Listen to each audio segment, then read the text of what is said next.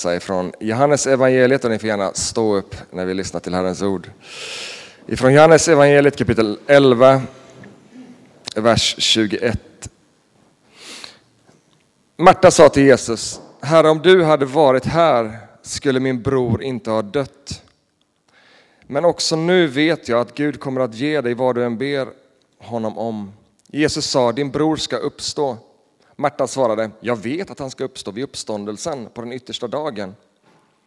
Jesus sa, jag är uppståndelsen och livet.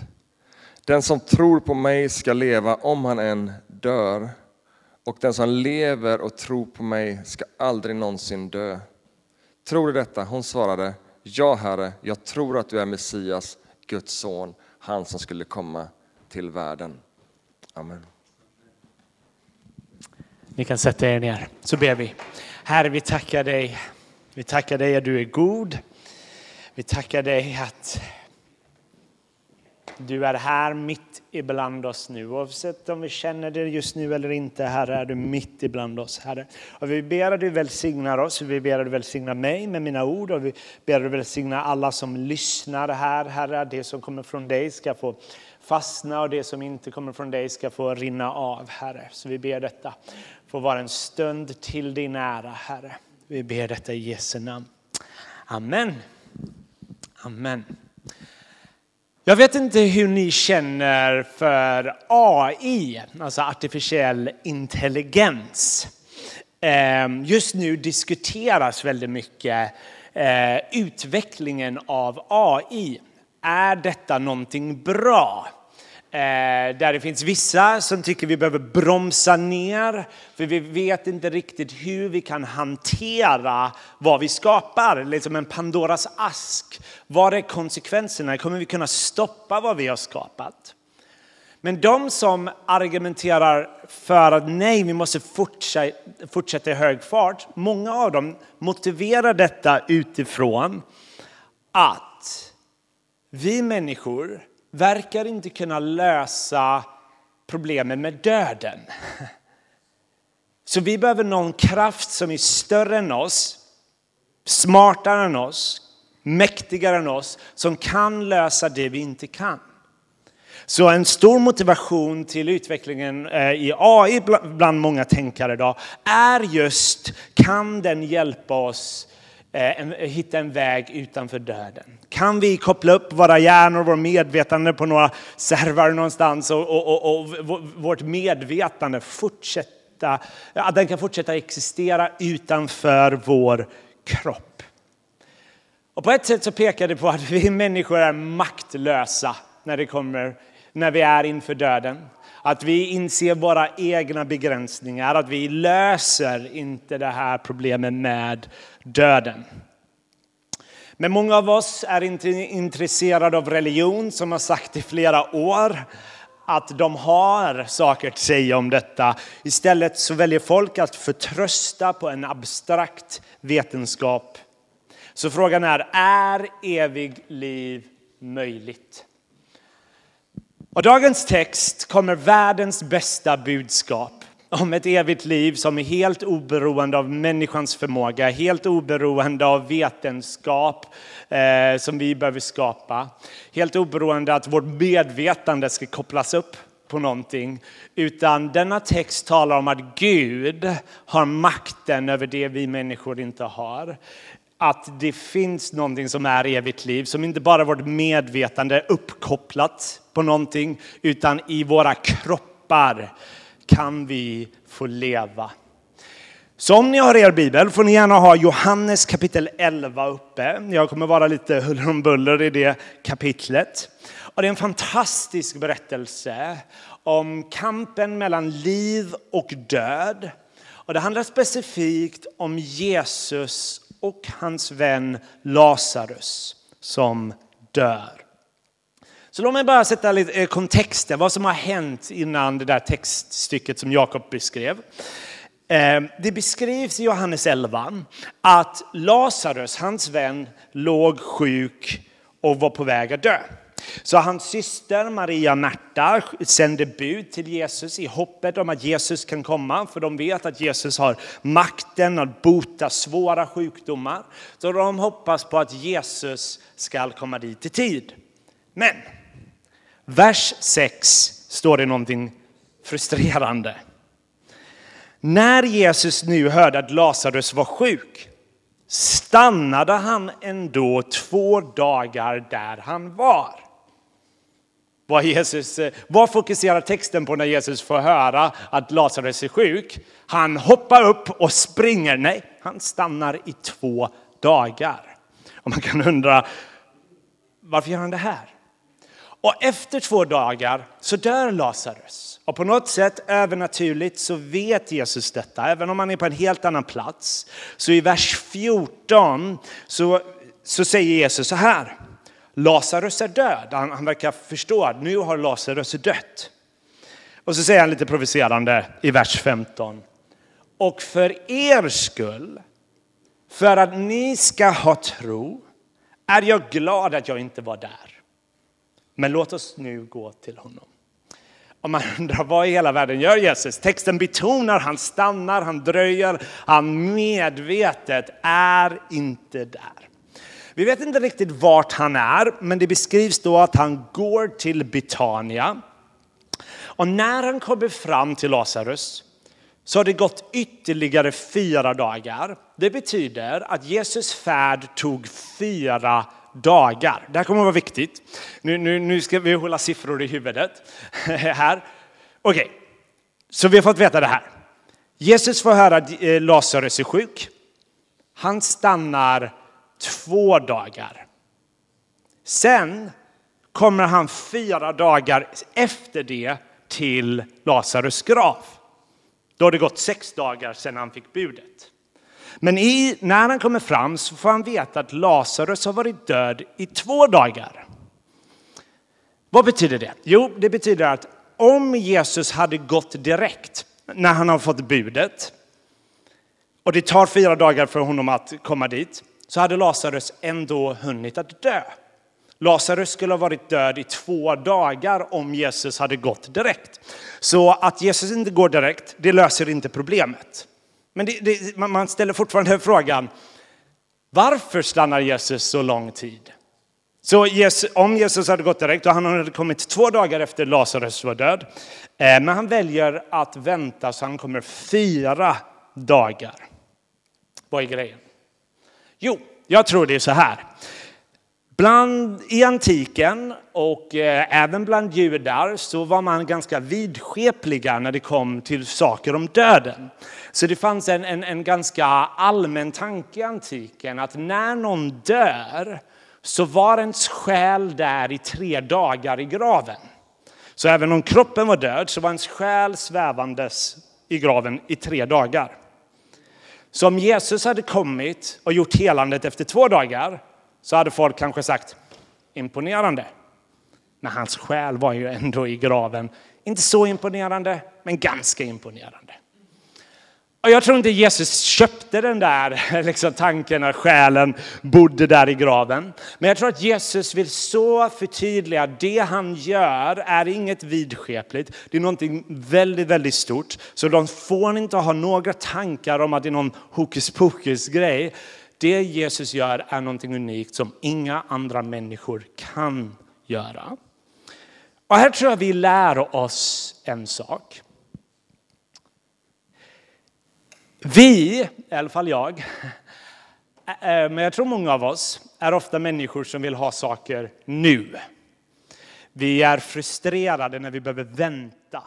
Vi förstår inte varför Gud dröjer ibland med saker.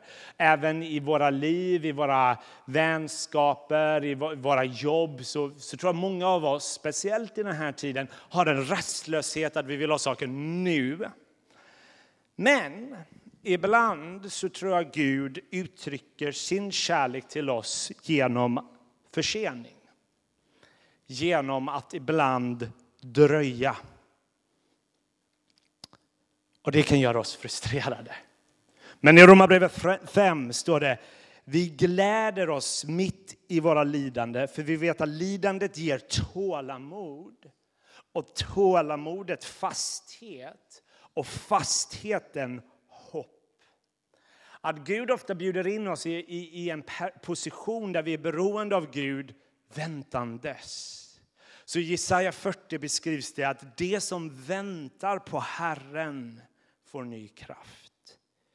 Det lyfter med vingar som örnar, det springer utan att mattas. Ibland låter Gud oss att vänta. Och så fortsätter vi, hoppar vi tillbaka till Johannes 11. Så Jesus kommer till graven. Han möter Lazarus systrar. Och det börjar med en fantastisk dialog. Han börjar med att prata med Märta. Och i vers 21 så, så kommer Märta till Jesus. Nästan, det låter nästan anklagande när hon säger så här. Herre, om du hade varit här skulle min bror inte ha dött. Men sen är det nästan som hon backar tillbaka lite den anklagande tonen eh, och, och, och nyanserar sig lite. Och så säger Jesus, din bror ska uppstå. Och som en judinna så trodde hon, ja, när Gud, domedagen kommer, då ska alla rättfärdiga uppstå. Så hon säger, ja, ja, jag vet, vi alla ska uppstå en dag. Och sen kommer de mest fantastiska orden jag nästan vet i Bibeln. De orden jag vill ha på min gravsten. Några ord som bär ett så otroligt stort löfte att om det här är sant, det Jesus säger, som jag ska läsa strax. Om det här är det han säger på riktigt, förändrar det absolut allting. Jag vet ingen som har gjort ett sånt här stort påstående nästan i världshistorien. Och han säger, vers 25, jag är uppståndelsen och livet. Den som tror på mig ska leva om han än dör. Och den som lever och tror på mig ska aldrig någonsin dö. Tror du detta? Om de orden är sanna allt förändras. Ehm, notera vad Jesus gör. Han talar till en person som han älskar som sörjer djupt. Förlorat sin älskade bror.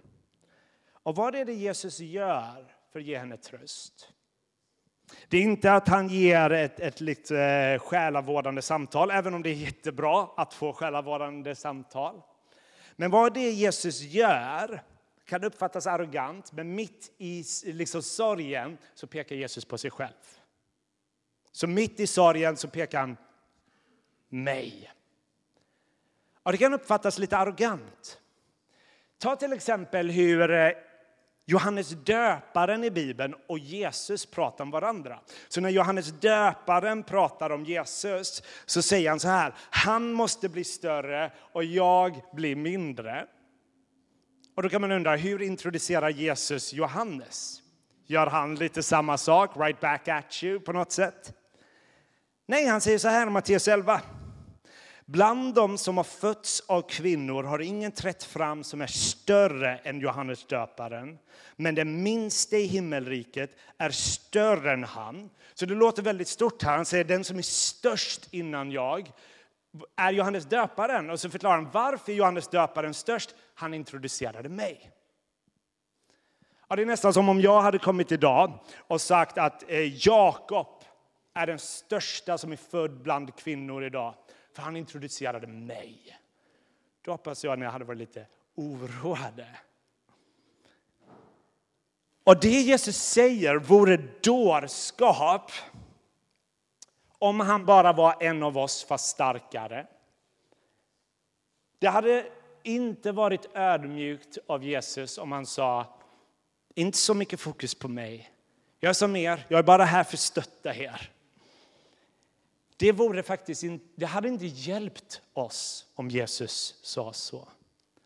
om han är uppståndelsen och livet, om han faktiskt är den enda vägen bortom död, bortom synd, in till riktigt liv, om han är den enda som kan besegra det Bibeln kallar det sista fienden, döden, och han lät döden göra det värsta med honom, så är det mest kärleksfulla han kan göra är att peka på honom och säga, här finns liv, här finns hopp, det här är ödmjukhetens konung, han som lämnade tronen i himlen och tog platsen på ett kors, ett blodigt kors. Det är sann ödmjukhet. Och här tror jag vi lär oss att när vi möter sorg i våra liv, när våra vänner möter sorg i våra liv, det mest kärleksfulla vi kan göra är delvis att vi lyssnar på dem, är med dem, ber för dem, men framförallt att vi pekar på Jesus att vi pekar på Jesus. Han är den som kan trösta. Han är den som har hopp. Det finns inget större än Jesus. Tillbaka till Johannes 11 igen. Så beskrivs det sen hur Jesus träffar Lazarus andra syster Maria som är förtvivlad. Och i vers 32 står det så här. När Maria kom till platsen där Jesus var och fick se honom föll hon ner vid hans fötter och sa till honom Herre, om du hade varit här skulle min bror inte ha dött. När Jesus såg hur hon grät och hur judarna som följt eh, med henne grät blev han djupt rörd och skakad i sin ande. Det här kapitlet möter vi en av de mest emotionella Jesus, eh, eller det är samma Jesus i alla kapitel, men en av de mest eh, kapitel vi får en inblick av det emotionella register Jesus har.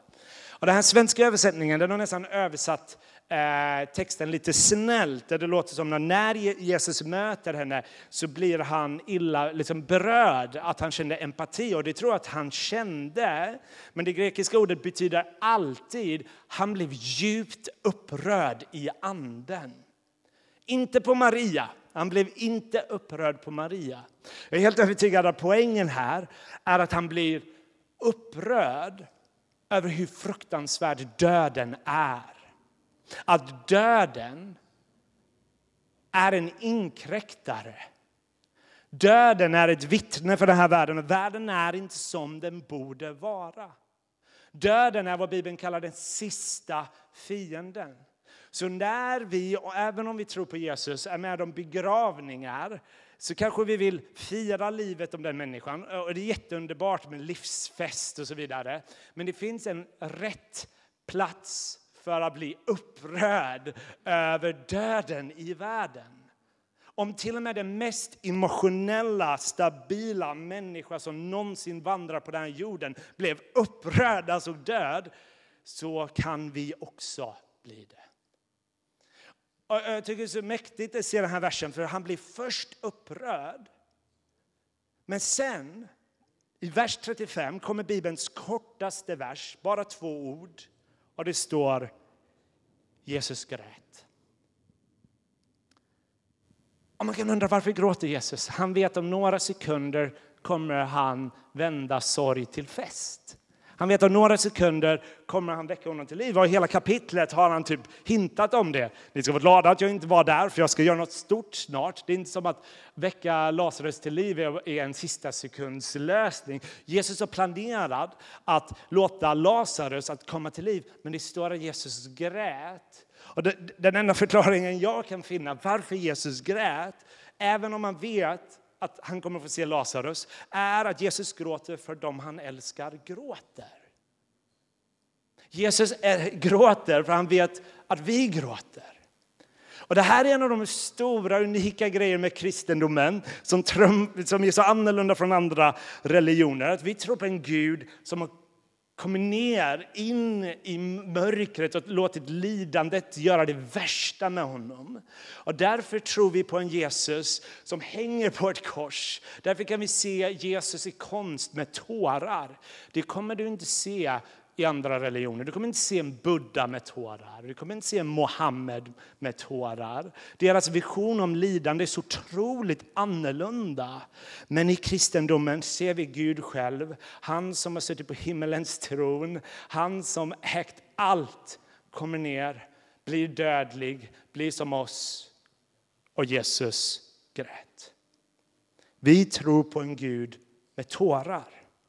En Gud som har empati och kan förstå kan förstå att denna värld har mörker, denna värld har tragedi, denna värld har sorg. Och därför kan vi komma med vårt mörker, vår sorg och veta att han förstår. Och i honom så kan mer sår bli botade än vad vi vågar drömma om. Låt oss nu gå till själva miraklet då, som allt har byggts upp till. Så Eh, vi har haft en, en predikoserie om Jesu olika jag är-påståenden i Johannes evangeliet. Och alla de här påståendena, jag är livets bröd, jag är världens ljus, kan låta så abstrakta. Men något som är så vackert är att Jesus konkretiserar vad han menar nästan. Så, så när Jesus säger jag är världens ljus, vad är det han gör kapitlet efter? Jo, han botar en blind så den blinda kan se. Det är nästan som en liten historisk, visuell liknelse vad det innebär, vad han har kraft och makt att göra.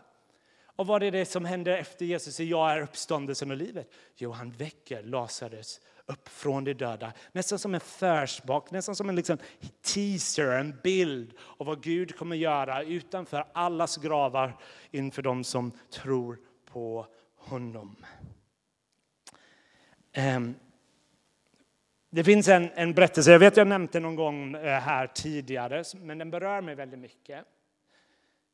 Ehm, under 1900-talet, ganska tidig del av 1900-talet, fanns en amerikansk eh, predikant som hette Donald Barnhouse.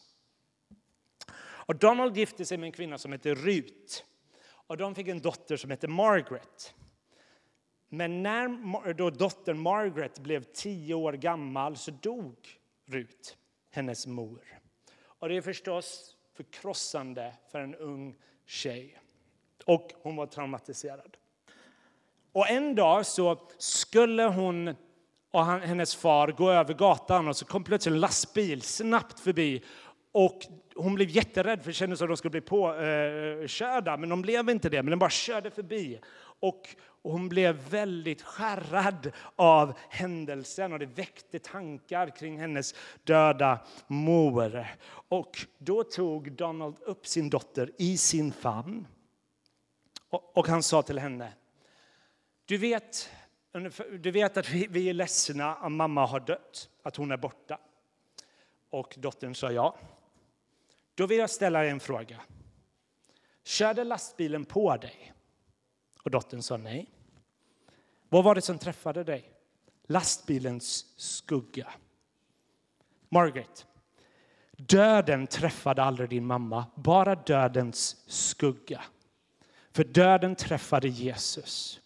Och Det betyder att en dag ska Jesus stå utanför din grav och ropa Margaret, kom ut. Rut, kom ut. Precis som han ropar vid den här dagen Lazarus, kom ut. Joel, kom ut. Och vi alla ska få se vår Herre och Mästare. Det är därför om vi än dör så dör vi inte i en djupare bemärkelse, för vi tillhör Jesus Kristus. Och den här texten lovar oss att det finns något starkare med Jesus än med döden. Att döden som är så stark och diskriminerar ingen här har ingen makt mot Jesus. Det finns någonting starkare än Jesus. Och om vi tror på Jesus, om vi tillhör Jesus, så följer vi honom ut efter graven. Eh, en märklig liknelse här. Ni får ta en märklig liknelse. Om jag skulle dö här, få en hjärtattack, skulle min tå också dö. Även om det, tån gjorde ingenting, det var, eh, det var mitt hjärta som slutade banka. Men eftersom min tå är del, det var ju bra att jag har sandaler idag så ni kan se det.